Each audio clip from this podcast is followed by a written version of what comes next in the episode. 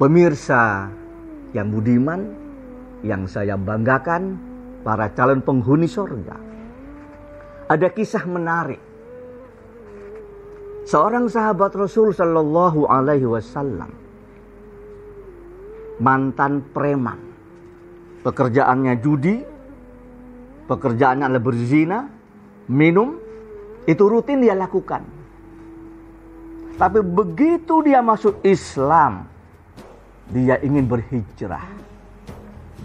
Maka dia ingin meninggalkan semua kenangan masa lalunya. Suatu hari pemuda ini sholat di waktu subuh bersama Rasulullah Shallallahu Alaihi Wasallam. Selesai sholat, Nabi banyak memberikan wasiat, tausiah, nasihat kepada para sahabat. Di antaranya, Nabi bersabda, Man taraka syai'an fil haram nalahu fil halal. Kata Nabi, Man taraka syai'an fil haram nalahu fil halal. Barang siapa yang meninggalkan sesuatu karena masih haram, maka nanti dia akan mendapatkannya ketika sudah halal pemirsa yang budiman yang saya banggakan calon penghuni surga. Pemuda ini setelah pagi hari siang hari dia mencoba untuk mencari pekerjaan. Ke sana kemari melamar ternyata tidak dapat. Orang tahu semua dia adalah mantan preman. Bagaimana kalau dia bekerja di toko saya? Pasti nanti barang-barang saya akan habis maka tidak ada seorang pun yang berani memberikan pekerjaan kepadanya. Menjelang malam hari, saudara-saudara, para pemirsa, pemuda ini mulai pagi belum makan dan juga belum mendapatkan pekerjaan. Alangkah berat cobaannya. Maka ketika menjelang petang di malam hari, setan datang pada pemuda ini menggoda. Anak muda, kamu musuh Islam sekarang, tapi kamu tidak punya pekerjaan apa-apa. Maka kemudian pemuda ini keluar, masuk pada sebuah rumah, yang kebetulan rumah itu adalah kosong. Niatnya satu, dia ingin mencuri karena sudah tidak kuat menahan lapar. Masuklah ke sebuah ruangan yang ternyata adalah dapur. Di sana ada berbagai macam makanan dan minuman yang lezat. Dan pemuda ini dengan sukacita mengambil makanan, mengambil minuman, dan dia siap untuk menyantapnya. Sayangnya para pemirsa, ketika makanan dan minuman hendak dia santap, dia ingat sabda Rasul Shallallahu Alaihi Wasallam Nabi tadi menyatakan man taraka syai'an fil haram nalahu fil halal. Barang siapa yang meninggalkan sesuatu karena masih dalam keadaan haram, maka nanti dia akan mendapatkannya ketika sudah halal. Dia keluar, insaf beristighfar pada Allah, sampai saja dimakannya. Makanan itu, pada itu haram bukan miliknya. Tadi belum sempat keluar, setan datang lagi menggodanya. Maka masuklah lagi pemuda itu ke kamar yang lain. Dan di sana dia dapatkan bukan makanan, tapi berbagai macam perhiasan. Ada kalung dan lain-lain.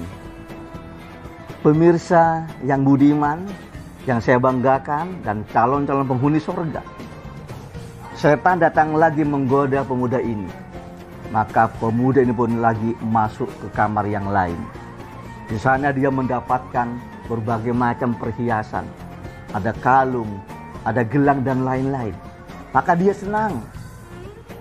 Diambillah perhiasan itu dimasukkan kantong plastik. Hendak dia pulang. Dan dia ingin menjadikan modal, ingin tobat pada Allah. Dan akan bekerja sesuai dengan yang Rasul inginkan. Tapi belum sempat dia bawa keluar dari kamar itu. Pemuda ini teringat lagi sabda Rasulullah Sallallahu Alaihi Wasallam, "Man taraka syai'an fil haram, nalahu fil halal. Barang siapa yang meninggalkan sesuatu karena masih haram, dia nanti akan mendapatkannya ketika sudah halal. Maka perhiasan itu dikembalikan, ditaruh lagi, dia tidak jadi ngambil dan dia pulang kembali dari rumah itu. Tapi belum sempat keluar dari rumah itu. Setan lagi-lagi datang menggodanya. Dan pemuda itu pun kembali lagi masuk ke ruangan yang lain. Begitu dibuka, ternyata di sana tidak ada makanan sebagaimana ruangan yang pertama. Juga tidak ada perhiasan sebagaimana ruangan yang kedua. Karena ternyata di sana adalah kamar tidur, seperangkat tempat tidur yang mewah dan yang menarik adalah di sana ada perempuan sedang tertidur pulas. Pemirsa yang budiman, yang saya banggakan, calon-calon penghuni surga. Coba Anda bayangkan, ini pemuda mantan preman yang biasa minum, biasa berjudi, biasa berzina. Sudah lama tidak berzina. Dan ternyata di ruangan itu ada perempuan yang cantik. Kemudian timbul syahwatnya untuk berzina dengan perempuan itu. Tapi sekali lagi, belum sempat dia berzina, dia ingat lagi dengan sabda Rasul sallallahu alaihi wasallam, "Man taraka syai'an fil haram nalahu fil halal." Para pemirsa yang budiman, akhirnya pemuda ini langsung keluar minta pelindungan pada Allah dan dia tidur di rumahnya. Di waktu subuh, selesai dia sholat subuh bersama Rasulullah, pemuda ini bersandar di dinding sambil mengenang nasibnya. Ya Allah, kenapa nasib saya seperti ini? Saya ingin berhijrah ya Allah. Ingin berjalan di jalan yang lurus. Tapi cobaan datang bertubi-tubi. Terus dia merenung. Dia tidak sadar bahwa Rasulullah kedatangan seorang perempuan yang mengadukan nasibnya. Kata perempuan tadi, ya Rasul, celaka saya, celaka saya Rasul. Ada apa kata Rasul? Ya Rasulullah, tadi malam aku disatroni penjahat ya Rasul. Rumahku hampir dirampok hartaku hampir dibawa, untung tidak jadi. Nabi bertanya, memang kamu tinggal sama siapa? Saya sendirian ya Rasulullah. Nah itu penyebabnya kata Nabi. Kamu harus segera kawin agar bisa melindungi kamu dan seluruh hartamu. Maka Nabi kemudian tolah-toleh. Maka Nabi melihat perempuan muda yang kelihatannya asing dipanggil oleh Rasulullah. Wahai anak muda, saya lihat kamu ini beberapa hari ini ada di sini. Siapa kamu? Maka berceritalah pemuda tadi. Tentang kisahnya yang mantan preman dan godaannya untuk kembali menjadi preman. Tapi Nabi kemudian menikahkan laki-laki itu dengan perempuan yang ada di depannya itu. Setelah akad nikah, kemudian diajak ke rumahnya dan alangkah terkejutnya pemirsa karena ternyata perempuan ini adalah pemilik rumah yang tadi malam mau disatroni, mau dirampok. Begitu masuk, dihidangkanlah makanan yang lezat kepada dirinya. Begitu tahu kalau makanan ini tadi malam hampir dimakannya, disantapnya. Tapi tidak jadi karena haram. Sekarang dia sudah bisa mendapatkannya dalam keadaan halal. Maka Nabi benar ketika mengatakan, Mantaroka syai'an fil haram nalahu fil halal.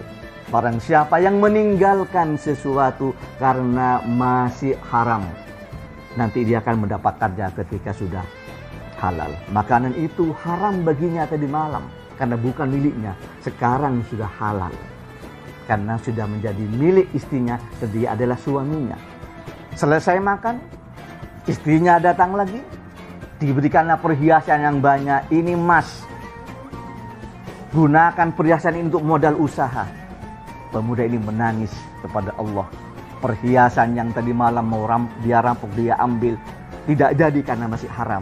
Ternyata sekarang bisa dia dapatkan dalam keadaan halal dan diridai oleh istri.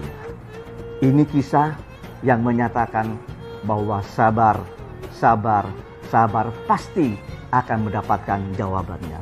Mari para pemirsa yang budiman, yang saya banggakan, calon penghuni surga.